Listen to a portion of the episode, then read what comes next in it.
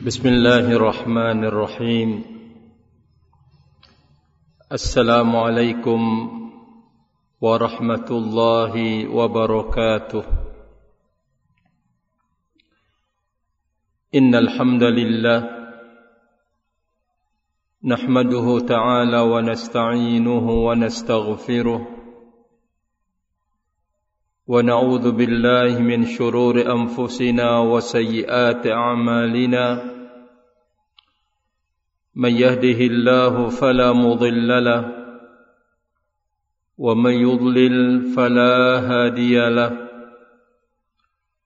أشهد أن لا إله إلا الله وحده لا شريك له وأشهد أن محمدا عبده ورسوله. يقول الله تبارك وتعالى في كتابه يا أيها الذين آمنوا اتقوا الله حق تقاته ولا تموتن إلا وأنتم مسلمون. يا أيها الناس اتقوا ربكم الذي خلقكم من نفس واحدة وخلق منها زوجها وبث منهما رجالا كثيرا ونساء. واتقوا الله الذي تساءلون به والأرحام. إن الله كان عليكم رقيبا. يا أيها الذين آمنوا اتقوا الله وقولوا قولا سديدا. يصلح لكم أعمالكم ويغفر لكم ذنوبكم ومن يطع الله ورسوله فقد فاز فوزا عظيما فإن أصدق الحديث كلام الله وخير الهدي هدي محمد صلى الله عليه وسلم وشر الأمور محدثاتها فإن كل محدثة بدعة وكل بدعة ضلالة وكل ضلالة في النار. معاشر المسلمين والمسلمات رحمني ورحمكم الله جميعا. الحمد لله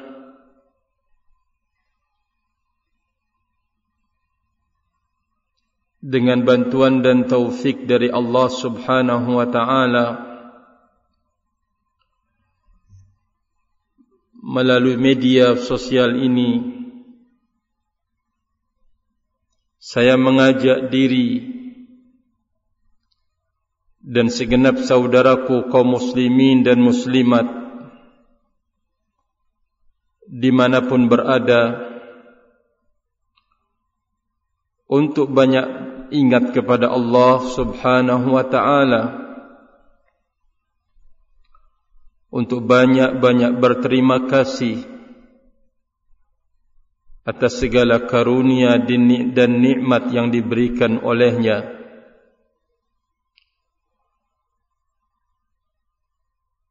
Taburan nikmat dan karunia itu tidak terhenti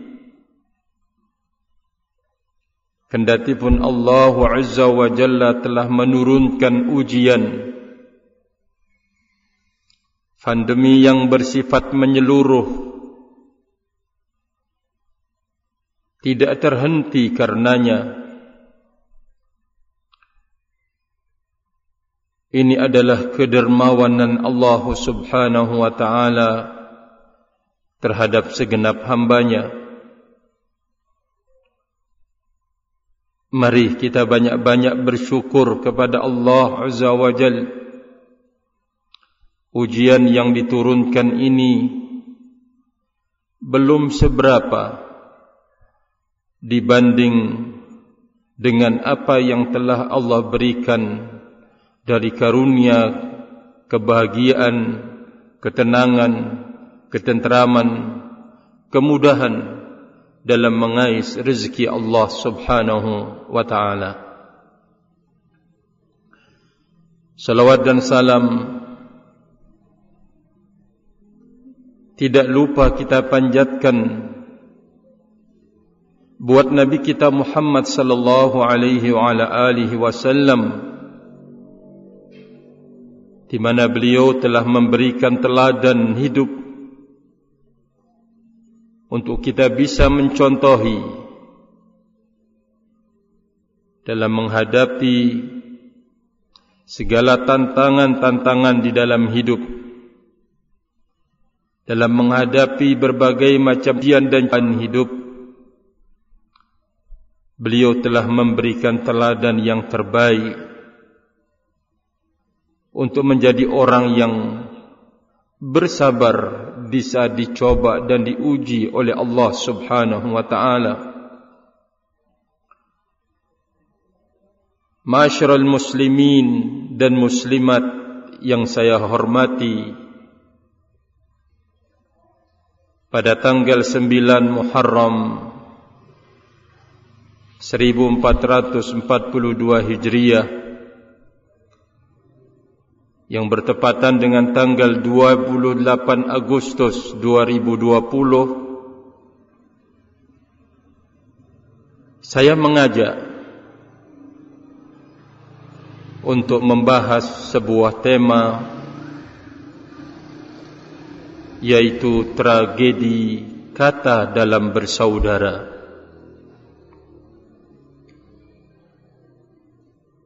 Tema ini tentu sesuatu atau memiliki makna yang sangat dalam.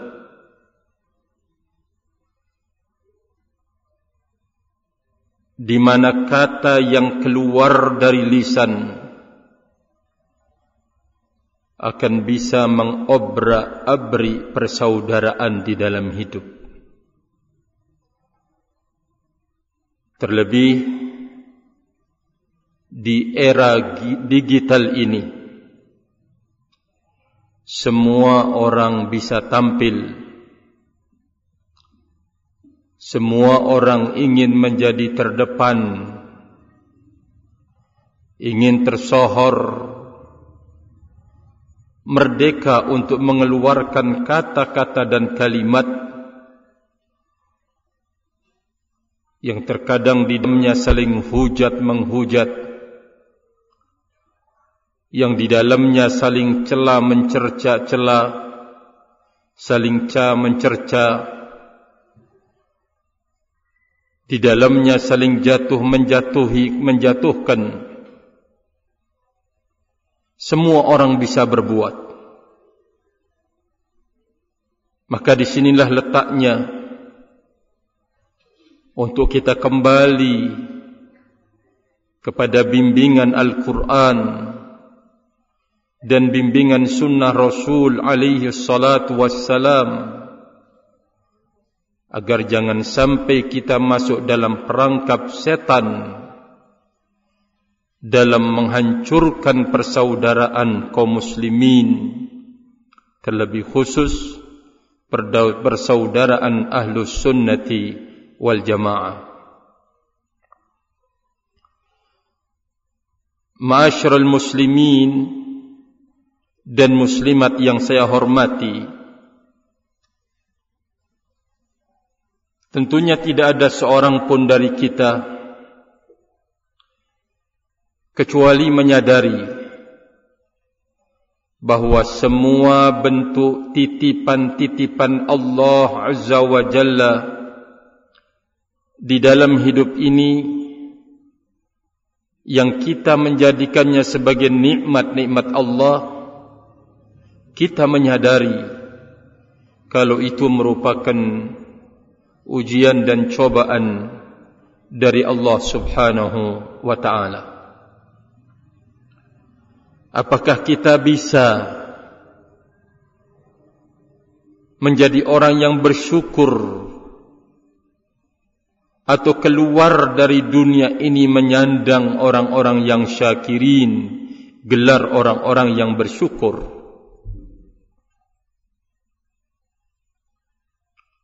Atau apakah kita termasuk dalam golongan orang yang bersabar?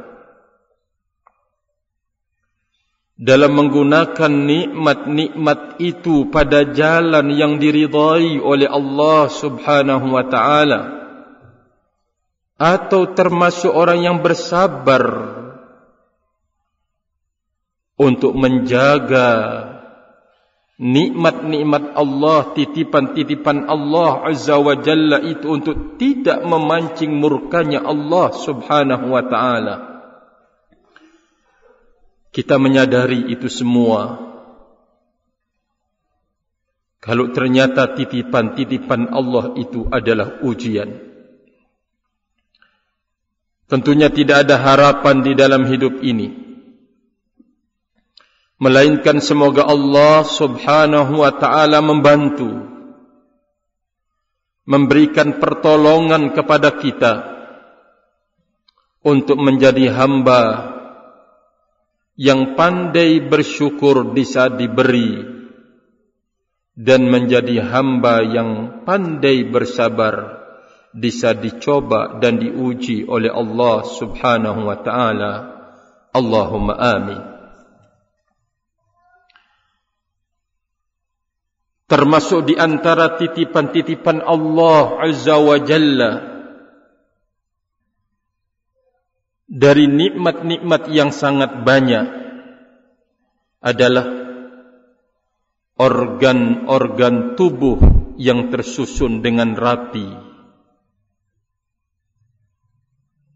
Setiap organ tubuh ini menempati posisi yang tepat, yang harmonis, sehingga menjadi benar-benar susunan organ tumbuh yang sangat indah bila dipandang lalu menjadi sebaik-baik bentuk penciptaan makhluk.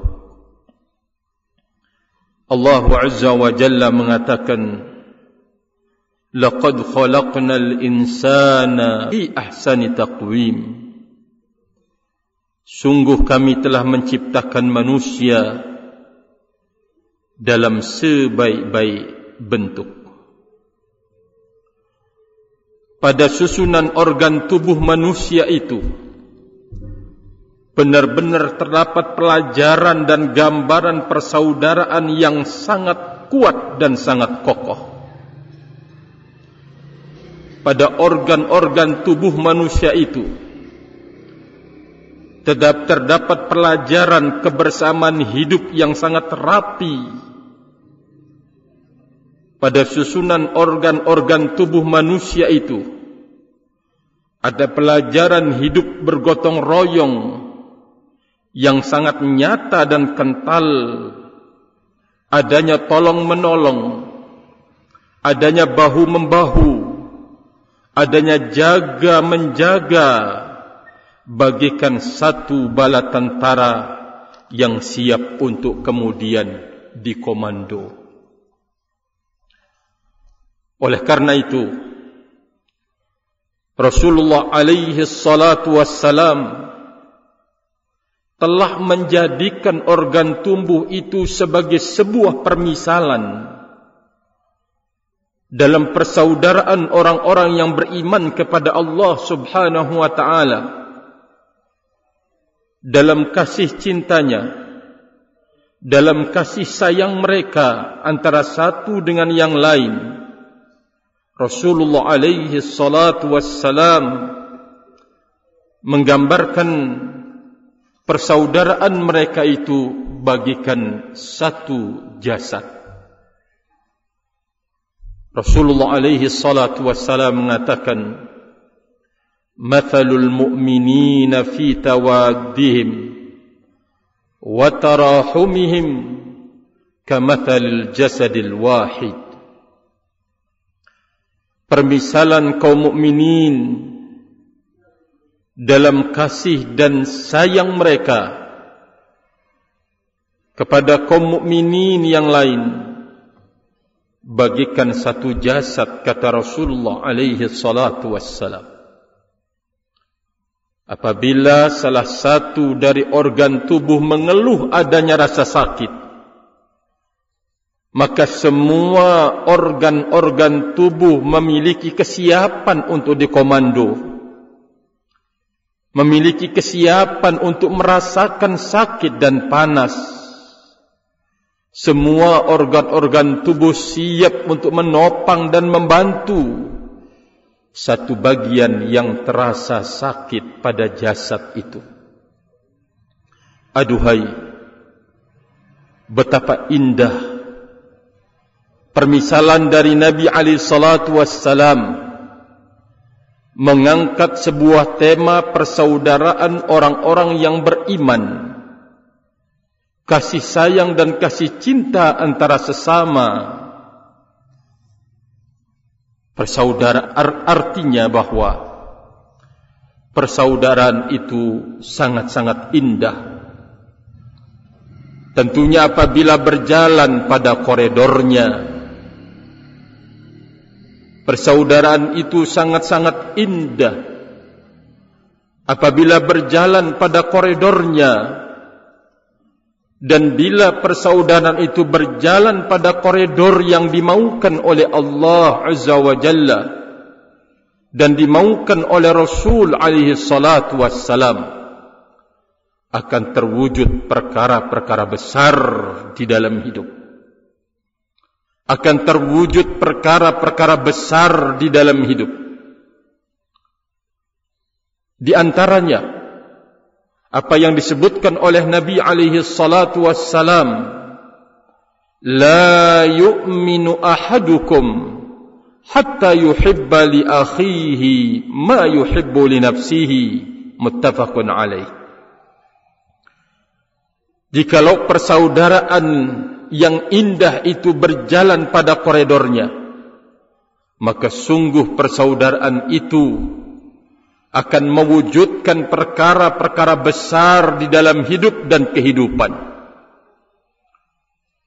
di antaranya apa yang disebutkan oleh Nabi alaihi salatu wassalam la yu'minu ahadukum hatta yuhibba li akhihi ma yuhibbu li nafsih.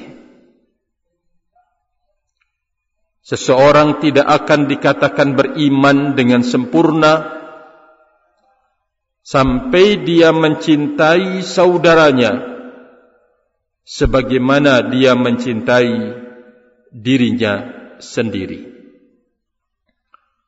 Itu persaudaraan kalau berjalan di atas koridornya. Maka seorang muslim akan menganggap dirinya saudaranya semuslim. Seorang muslim akan menganggap dirinya saudarinya semuslimah sunniyah salafiyah dan begitu seterusnya kalau dia mencintai dirinya mencintai saudaranya sebagaimana dia mencintai dirinya dia tidak akan mau menyakitinya walaupun dengan sepotong kata. Dia tidak mau akan menyakiti saudaranya atau saudarinya.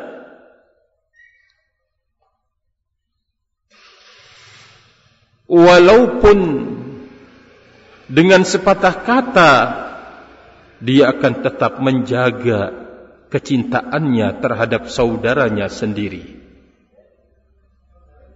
Persaudaraan itu indah apabila berjalan pada pada koridornya. Dan juga akan terwujud dan terbukti apa yang disebutkan oleh Nabi Ali Salatu Wassalam kalau persaudaraan itu benar-benar berjalan di atas koridornya unsur akhaka zaliman atau magluma tolong bantu saudaramu yang berbuat zalim atau yang dizalimi persaudaraan apabila berjalan di atas koridornya Tentunya dia tidak akan mau menyakiti dan menzalimi saudaranya. Kalaupun ternyata dia melihat saudaranya berbuat zalim, maka dia berupaya dan berusaha untuk kemudian mengingatkan menahan dari kezaliman saudaranya itu sendiri sebagaimana dia juga akan membantu saudaranya yang sedang dizalimi. Aduhai betapa indah jikalau persaudara itu benar-benar di atas koridornya tidak akan ada seorang muslim muslimah sunni sunniyah untuk berbuat zalim kepada saudaranya. Kalaupun ternyata ada yang sedang dizalimi maka dia akan membantu saudaranya yang berbuat zalim untuk menahan dia dari kezaliman dan membantu saudaranya yang sedang dizalimi Ma'asyiral muslimin dan muslimat rahimani wa rahimakumullah. Bila persaudaraan itu benar-benar berjalan di atas koridornya, maka akan terwujud apa yang disebutkan oleh Nabi kita Muhammad sallallahu alaihi wasallam, al-mu'minu lil mu'min kal bunyani yashuddu ba'dahu ba'dha. Mukmin yang satu dengan mukmin yang lain bagikan satu bangunan yang bagi satu bagiannya mengokohkan bagian yang lain. Kalau persaudaraan itu benar-benar berjalan di atas koridornya maka kita akan menemukan pengamalan tinggi sabda Rasul alaihi salatu wassalam wallahu fi aunil 'abd ma kana al-'abdu fi auni akhi. Dia akan tampil untuk memberikan bantuan dan pertolongan kepada saudaranya karena dia mengharapkan selalu bantuan dan pertolongan Allah Subhanahu wa taala. Ma'asyiral muslimin dan muslimat yang saya hormati. Begitu seterusnya. Kalau persaudaraan itu berjalan pada koridornya yang dimaukan oleh Allah Azza wa Jalla dan Rasulnya Muhammad sallallahu alaihi wasallam akan tegak padanya at-tanasuh wat-tawasuh bil haqq wat-tawasuh bis sabr saling ingat mengingatkan saling nasihat menasihati untuk menapaki kebenaran dan saling nasihat menasihati untuk berjalan dalam jalan kesabaran. Dia akan tampil untuk menjadi orang yang selalu memperbaiki di antara saudaranya yang bertikai. Innamal mu'minuna ikhwatun fa aslihu baina akhwaykum. Kaum mukminin itu bersaudara, maka perbaikilah di antara saudara-saudara kalian kata Allah Subhanahu wa taala.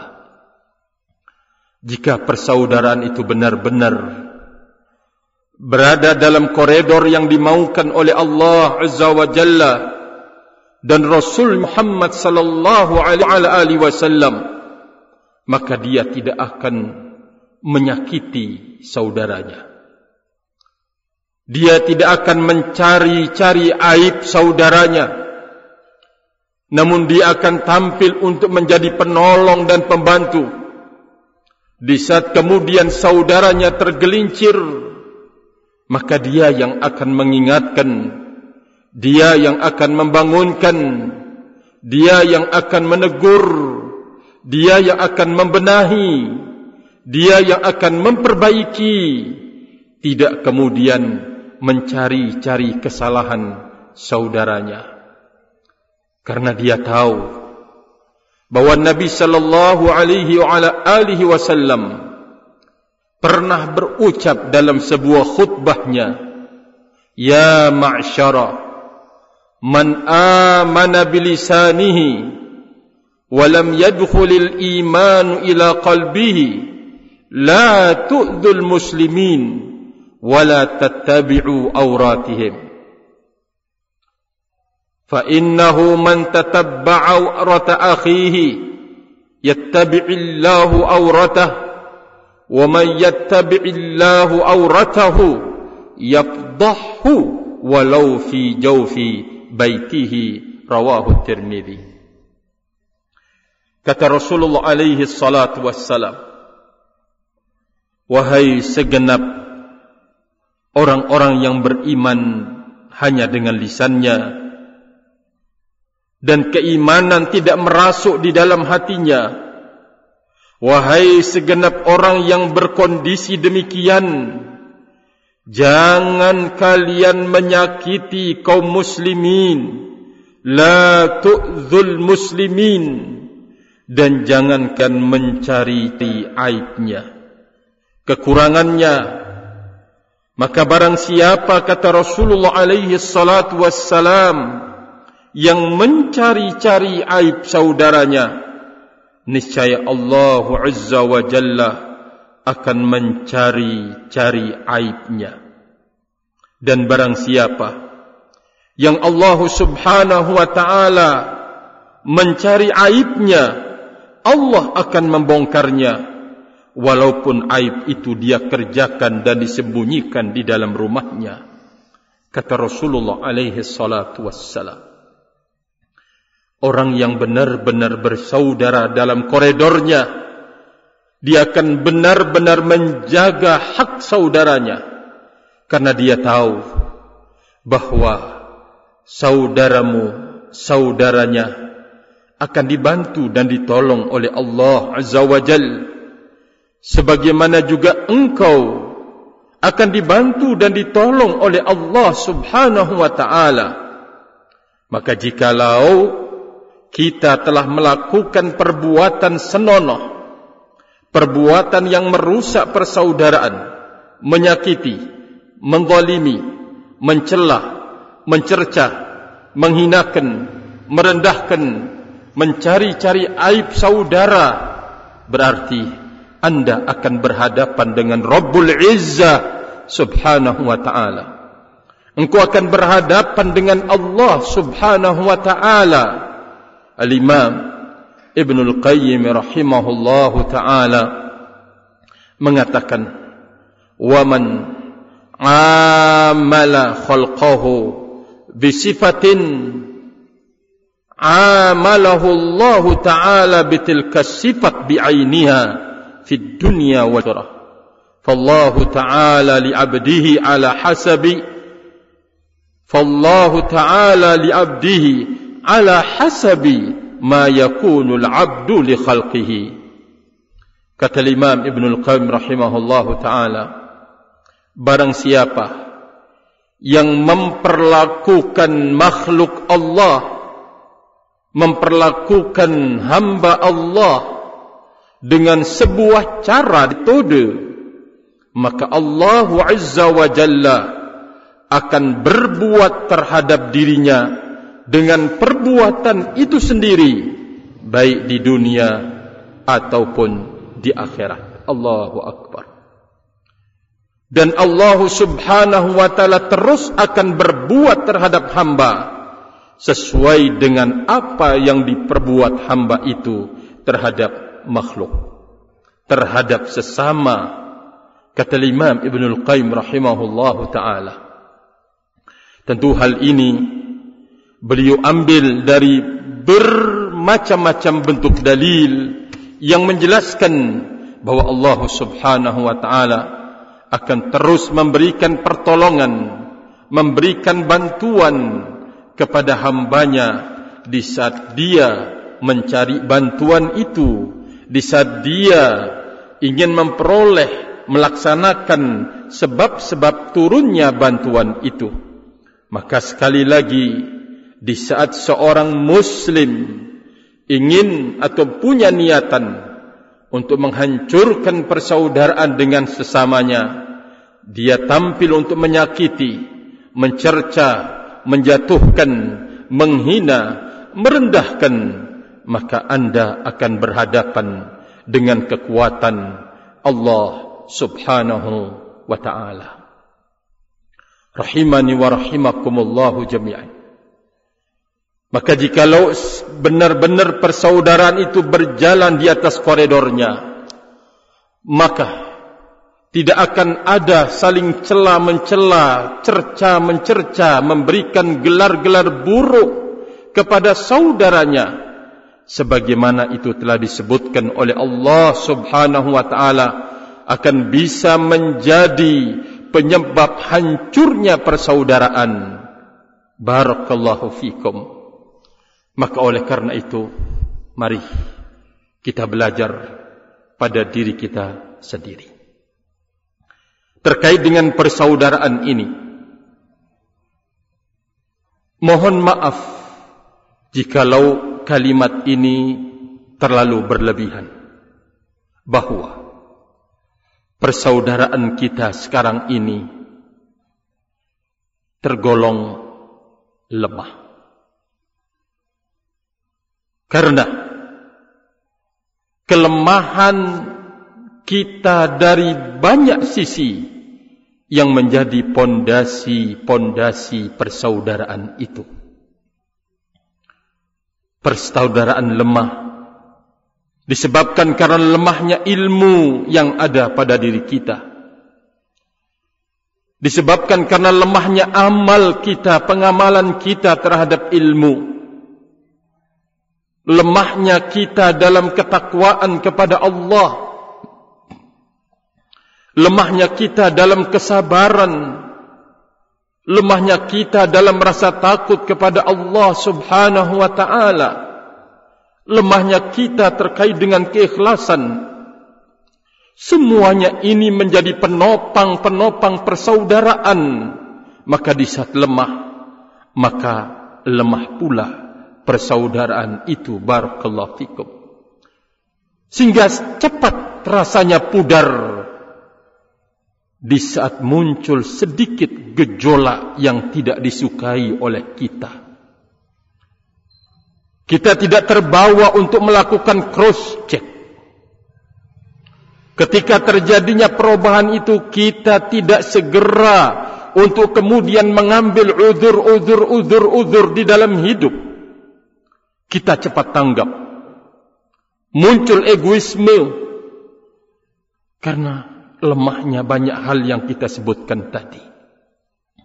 Realita ini sesungguhnya telah disebutkan oleh seorang sahabat jalil Abdullah bin Abbas radhiyallahu taala anhu di saat beliau mengatakan yang diriwayatkan oleh Imam Ibnu Jarir rahimahullahu taala Kata Abdullah ibnu Abbas radhiyallahu taala anhu, "Man ahabba fillahi wa abghadha fillahi wa wala fillahi wa 'ada fillahi fa innama tunalu bi yatlik wa la yajid 'abdun ta'mal iman wa in kathurat salatuhu wa sawmuhu hatta yakuna kadzalik wa qad sarat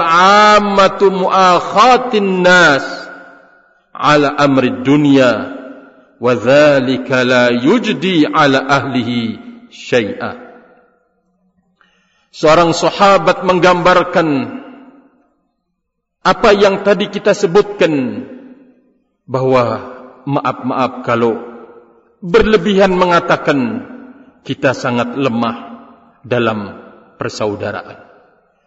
Karena akan bisa pudar persaudaraan itu mungkin karena perilaku yang sedikit menohok diri kita dari saudara kita sehingga pudar persaudaraan itu barakallahu fikum. Abdullah bin Abbas radhiyallahu taala anhu mengatakan barang siapa yang cinta karena Allah membenci karena Allah berloyalitas karena Allah memusuhi karena Allah maka kewalian di sisi Allah itu akan diperoleh dengan itu semua. Dan tidak akan pernah seorang hamba merasakan manisnya iman. Kendati pun banyak solatnya banyak puasanya sehingga benar-benar dia berada dalam kondisi yang di atas. Dia cinta karena Allah. Dia benci karena Allah berloyalitas karena Allah tidak suka karena Allah subhanahu wa ta'ala. Dia tidak akan merasakan manisnya iman kata beliau. Walaupun sholatnya itu banyak walaupun puasanya itu banyak sampai benar dia mewujudkan hal itu pada dirinya. Cinta karena Allah benci karena Allah, berloyalitas karena Allah, dan dia memusuhi karena Allah subhanahu wa ta'ala. Beliau kemudian menyebutkan sebuah kenyataan di masa beliau. Maka sungguh persaudaraan manusia itu umum sifatnya dibangun di atas urusan dunia. Dibangun di atas urusan dunia. Sungguh kata beliau telah menjadi hal yang bersifat umum persaudaraan di tengah-tengah manusia itu dalam urusan dunia. Tentu persaudaraan karena urusan dunia ini tidak akan memberikan faedah sedikit pun kepada pemiliknya. Kata Imam Al-Allamah, kata Al-Allamah Abdurrahman bin Hasan Al-Syeikh menjelaskan kalimat ini bahwa persaudaraan yang dibangun di atas urusan dunia tidak akan memberikan manfaat sedikit pun bal yadurruhum bahkan akan mendatangkan kemudaratan. Sebagaimana sabda Rasul alaihi sebagaimana firman Allah azza wa jal al akhillau yawma idzin ba'dhum li ba'din adu illa al muttaqin. Teman-teman persaudaraan di saat itu sebagiannya menjadi musuh atas sebagian yang lain. Teman-teman kecuali pertemanan orang-orang yang bertakwa Masih ucapan Al-Allama Abdurrahman bin Hasan Al-Syekh yang menjelaskan tentang ucapan Abdullah bin Abbas فَإِذَا كَانَتِ الْبَلْوَى قَدْ عَمَّتْ بِهَذَا فِي زَمَنِ ابن Abbas fi khairil kurun maka jikalau bala ini telah bersifat umum terjadi di zaman Abdullah ibnu Abbas. Di masa itu adalah hidup sebaik-baik generasi. Fama zadal amru ba'da dhalika illa syiddah. Maka tiadalah setelah itu kecuali akan bertambah parah persaudaraan bukan cuma dalam urusan duniawi hatta waqa'atil muwalat ala syirki wal bid'i wal fusuki wal isyan sampai kemudian terjadi bahu membahu tolong menolong loyalitas itu dalam hal kesyirikan kebid'ahan kefasikan dan perbuatan dosa. Waqad waqa'a ma akhbara bihi sallallahu alaihi wa ala alihi wasallam biqauli sungguh semua itu terang jelas dan terjadi sesuai dengan apa yang diberitakan oleh Nabi sallallahu alaihi wasallam bada al-islamu ghariban wa sayaudu ghariban kama bada'a. Islam datang dalam kondisi asing dan akan kembali pula dalam kondisi asing.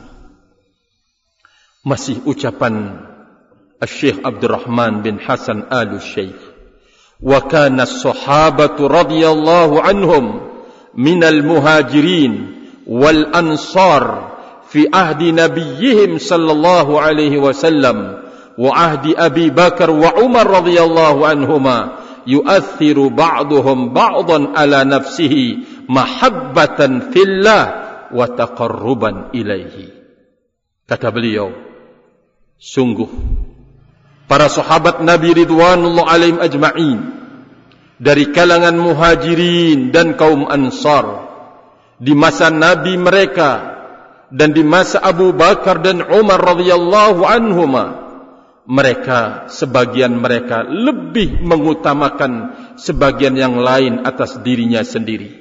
Karena dibangun dibangun karena cinta cinta karena Allah dan melakukan pendekatan diri kepada Allah Subhanahu wa taala. Wa yu'thiruna 'ala anfusihim walau kana bihim khasasah.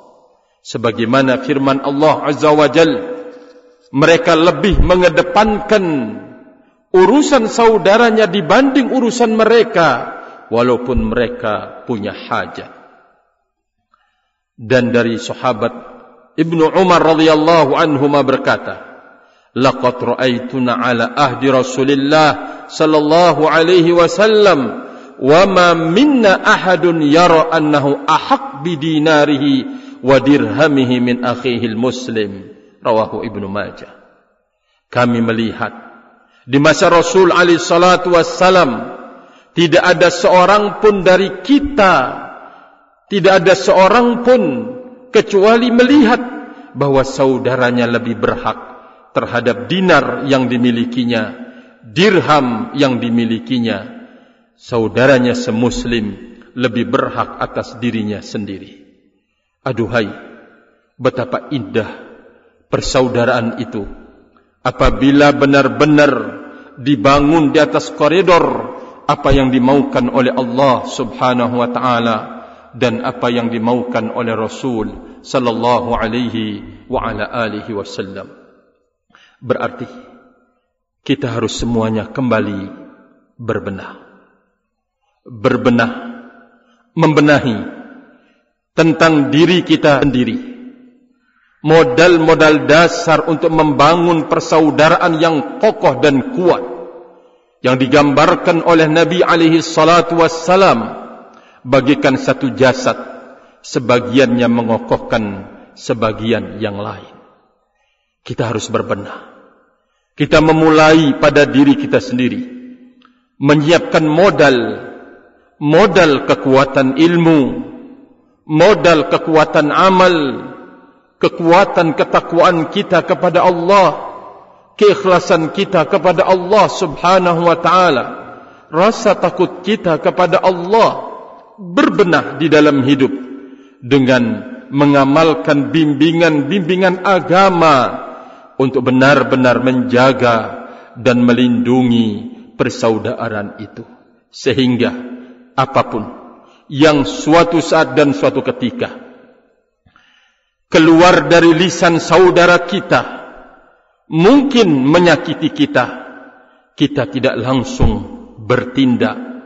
Lalu kemudian menghancurkan persaudaraan tapi kita berupaya untuk melakukan perbaikan pembenahan terhadap diri kita dan juga mengingatkan saudara kita atau bisa saja suatu ketika terjadi dari saudara kita salah berucap maka kita segera untuk mengambil uzur-uzur dari dirinya sehingga benar-benar terjaga dan terpelihara persaudaraan itu memang termasuk perkara yang akan merontokkan melulu lantahkan persaudaraan dengan gampang dan cepat adalah goyangan lidah lisan benar-benar tidak bertulang apabila bergerak susah untuk kemudian direm ma'asyiral muslimin yang saya hormati. Oleh karena itu, mari kita bersama-sama untuk menjaga banyak hal yang memungkinkan untuk hancurnya persaudaraan kita termasuk dari lisan ini kata-kata yang keluar dari lisan ini sering mengandung sabetan terhadap perasaan saudara kita menyabet dengan kata-kata perendahan, penghinaan, pelecehan karena dosa yang diperbuat oleh lisan ini adalah terlalu banyak. Bukankah lisan inilah yang akan merontokkan amalan-amalan kita di saat kita menghadap Allah Subhanahu wa taala menjadikan kita benar-benar bangkrut maka kita harus mendidik lisan kita dengan pendidikan-pendidikan yang telah diberikan oleh Allah Azza wa Jalla dan Rasulnya Muhammad sallallahu alaihi wasallam. Pendidikan-pendidikan yang sangat agung mulia dan terhormat ma'asyiral muslimin dan muslimat yang saya hormati. Maka sekali lagi media sosial ini saya mengajak segenap saudaraku kaum muslimin agar terus kita melakukan pembenahan ke dalam diri kita sendiri.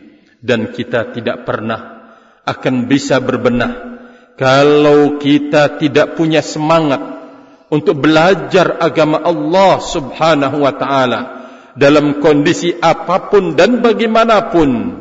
Mungkin kita mengatakan ada uh, ada pandemi yang diturunkan oleh Allah Subhanahu wa taala. Oh, jangan. Jangan kita jadikan sebagai penghalang untuk kita belajar agama Allah Subhanahu wa taala. Karena ini adalah senjata untuk melakukan perbaikan mulai dari titik nol sampai kepada bilangan yang paling besar mulai dari diri kita sendiri dengan ilmu kita akan bisa membenahi negeri kita ini. Rahimani wa rahimakumullah jami'an.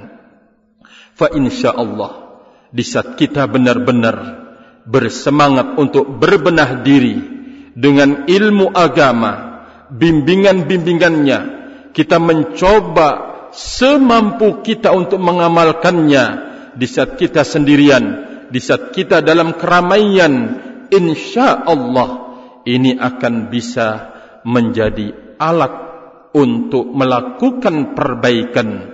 Perbaikan terhadap diri kita hati kita perbaikan terhadap lisan kita perbaikan terhadap semua organ-organ tubuh kita di saat sehingga tidak keluar dari lisan kecuali yang baik dan dengan ilmu pula kita akan gampang untuk memaafkan dan memberikan udur-udur kepada saudara kita. Dan ketika kita melihat kurangan, kesalahan, kekeliruan karena jikalau kita ini senang dan suka memberikan udur kepada hamba Allah maka Allah Azza wa Jalla akan membalas dengan yang serupa. Jikalau kita senang memberikan maaf maka Allah akan memberikan maaf begitu seterusnya Sekali lagi melalui media sosial ini saya mengajak mari kita bersama-sama menumbuhkan semangat untuk belajar dan meminta kekuatan dari Allah Subhanahu wa taala untuk mampu mengamalkan apa yang telah kita pelajari. Sekali lagi saya mengingatkan segenap saudaraku kaum muslimin dan muslimat dimanapun berada kita butuh rasa takut kepada Allah. Untuk kemudian menjaga persaudaraan itu agar selalu kokoh kita butuh rasa takut kepada Allah untuk menjaga goyangan lisan. Jangan sampai menghujam persaudaraan. Wallahu taala a'lam bissawab. Wallahu taala a'lam bissawab. Mohon maaf jikalau ada kekurangan dan kesalahan di dalam penyampaian itu adalah datang dari diri dan syaitan. Kebenaran itu mutlak datang dari Allah subhanahu wa ta'ala. Wallahu ta'ala alam bissawab. Wallahu ta'ala a'lam bissawab. Wa akhiru da'wana anil hamdulillah. Nah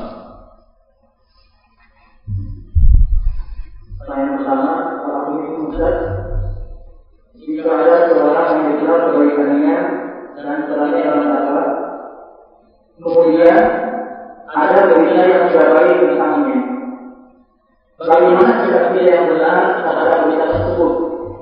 Memberi dulu atau langsung menghubunginya. Jaga semua. Gak jelas. Suara dalam. Nah, diulang. Saya ulangi pertanyaannya. Apa pun itu Ustaz, jika ada seorang yang dikenal kebaikannya dan perannya adalah dakwah, kemudian ada berita yang tidak baik bagaimana sikap kita yang benar terhadap berita tersebut? Memberi dulu atau langsung menghubunginya? Jazakumullah khairan. Jadi barakallahu fikum kalau kita mendengar sebuah informasi tentu yang tidak baik dari seseorang yang kita kenal pejuang pembela berdakwah di jalan Allah Subhanahu wa taala atau mungkin dia seorang dai ila Allah kalau berita itu atau itu adalah sifatnya berita maka tentu pertama kali kita telah dididik oleh Allah Subhanahu wa taala untuk menerapkan sebuah prinsip keselamatan. Ya ayyuhalladzina amanu in ja'akum fasiqun binaba'in fatabayyan. Hendaklah engkau melakukan tabayyun. Engkau mencari informasi kevalidan dari berita mencari kevalidan berita tersebut barakallahu fikum kalau ternyata informasi yang sampai kepada engkau benar-benar sudah tersebar lewat kaset lewat ini lewat itu maka tentu kewajiban kita untuk meluruskan yang salah itu meluruskan kesalahan yang sudah tersebar atau informasi yang benar melalui bukti-bukti. Kalau itu adalah sebuah kesalahan wajib kita untuk meluruskannya dan mengingatkan orang yang bersalah barakallahu fikum. Tidak kemudian di saat kita menemukan kesalahan lalu kita kemudian memberikan uzur. Tidak. Kita punya kewajiban untuk meluruskan yang salah. Untuk meluruskan kesalahan itu barakallahu fikum. Nah ketika kita meluruskan lalu kemudian dia mengeluarkan udurnya maka kita jangan bertahan pada kita tidak memberikan udur bahwa itu adalah kesalahan fatal tapi kita harus menerima udurnya. Dan tadi sudah kita sebutkan barang siapa yang mudah di dalam memberikan udur kepada saudaranya Allah Azza wa Jalla akan memberikan udur terhadap dirinya sendiri. Allah Ta'ala alam. Besar Pertanyaan kedua Bismillah Assalamualaikum Ustaz. Bagaimana menyikapi teman yang sudah diberi nasihat untuk tidak bermajlis dengan istri? Tetapi tetap saja tidak peduli, bahkan balik menentang. Ulangi, bagaimana menyikapi teman yang sudah diberi nasihat untuk tidak bermajlis dengan istri, tetapi tetap saja tidak peduli, bahkan balik menentang. Jazakallahu khairan barakallahu Barakallahu fikum. Satu hal yang perlu kita ketahui terhadap semua atau siapapun termasuk di dalam diri kita sendiri. Kalau seseorang itu mencari kebenaran, kalau seseorang pencari kebenaran, maka cukup baginya satu hujah, satu dalil, dan dari siapapun datangnya dalil tersebut. Namun kalau dia bukan pencari kebenaran Maka tidak akan berguna bermanfaat baginya beribu-ribu dalil Engkau sodorkan kepadanya ribuan dalil tidak akan berguna Kalau dia bukan pencari kebenaran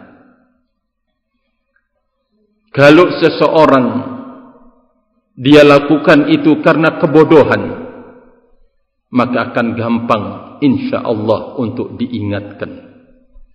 Tapi berbeda kalau dia berbuat itu dengan hawa nafsu, maka anda akan menemukan kesulitan untuk bisa menyelamatkan dan membebaskan dia.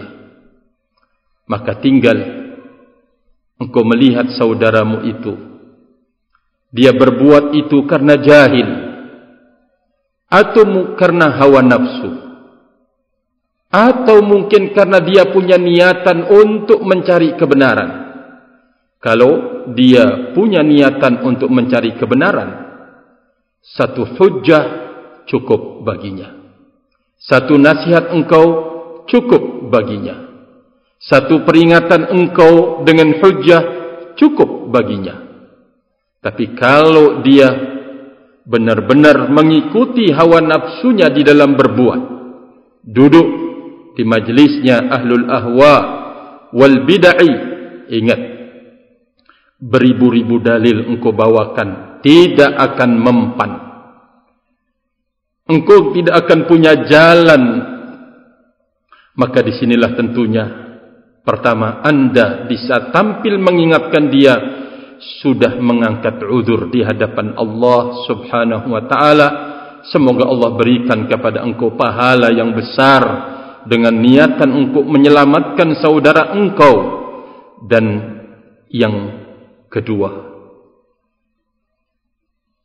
keselamatan diri tidak akan bisa dihargakan oleh apapun juga.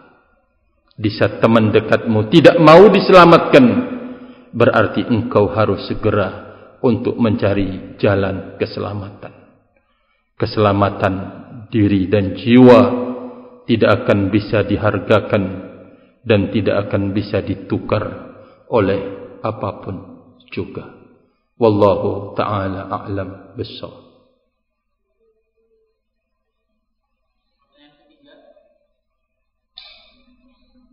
Pertanyaan ketiga. Bismillah. Saya merasa Android lebih besar motornya Untuk saya. Juga anak saya. Tapi Pondok mengharuskan punya Untuk belajar online Bagaimana sikap saya Karena takut tidak amanah Dalam kepemilikan Android tersebut Rahimani wa rahimakumullah jami'an. Ini tentunya termasuk sebuah ya pelajaran yang sangat berharga pada semua kita di saat Allah Azza wa Jalla menurunkan ujian dan cobaan sehingga kita oleh pemerintah kita sendiri tidak diperbolehkan untuk belajar dengan tatap muka karena kondisi keselamatan dari rakyat itu. Maka tentunya ahlu sunnati wal jamaah berupaya apa yang tidak bisa ditempuh seluruhnya maka tidak boleh ditinggalkan seluruhnya. Sebagaimana pemerintah juga telah memberikan bimbingan untuk melakukan pengajaran dan pelajaran jarak jauh. Ahlus sunnati wal jamaah mencoba untuk mewujudkan saran dari pemimpin kita.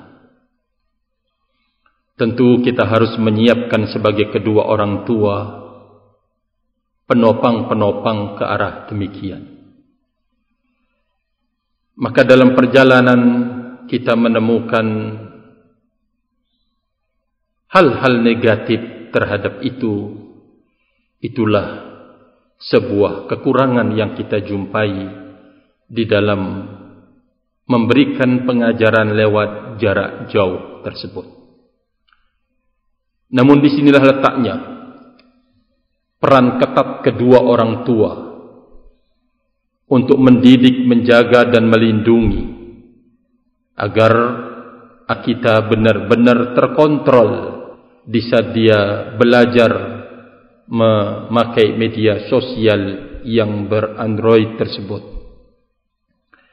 Kedua tentunya pelajaran yang sangat berharga agar kita sebagai kedua orang tua benar-benar merasakan betapa capek, betapa lelah mendidik anak-anak kita agar kita sadar bahwa perjuangan para ustad-ustad dan ustadah-ustadah di pondok-pondok pesantren itu adalah sangat-sangat besar. Kita tidak mampu untuk melakukannya. Wahai segenap al-aba wal ummahat. Maka oleh karena itu ya tentu ini adalah sisi negatif yang kita temukan dan yang kita jumpai. Namun itu semuanya adalah butuh pengawasan ketat dari kita sebagai kedua orang tua agar kita belajar bahwa ternyata para pejuang-pejuang di pondok itu yang mendidik anak kita, yang mengajari anak kita, ternyata perjuangannya sangat-sangat berat. Barakallahu fikum. Oleh karena itu, tentu bab yang kita lakukan atau kita ambil dalam hal ini adalah apa yang tidak bisa kita lakukan seluruhnya, kita tidak meninggalkan semuanya. Mari kita sama-sama saling bahu membahu, saling tolong menolong. Semoga dengan adanya pandemi ini kita bisa belajar mengambil hikmah yang besar di dalam hidup dan semoga Allah segera mengangkatnya sehingga kita tidak butuh lagi Android untuk memberikan pelajaran terhadap anak-anak kita. Wallahu ta'ala alam bisawab Wallahu ta'ala alam bisawab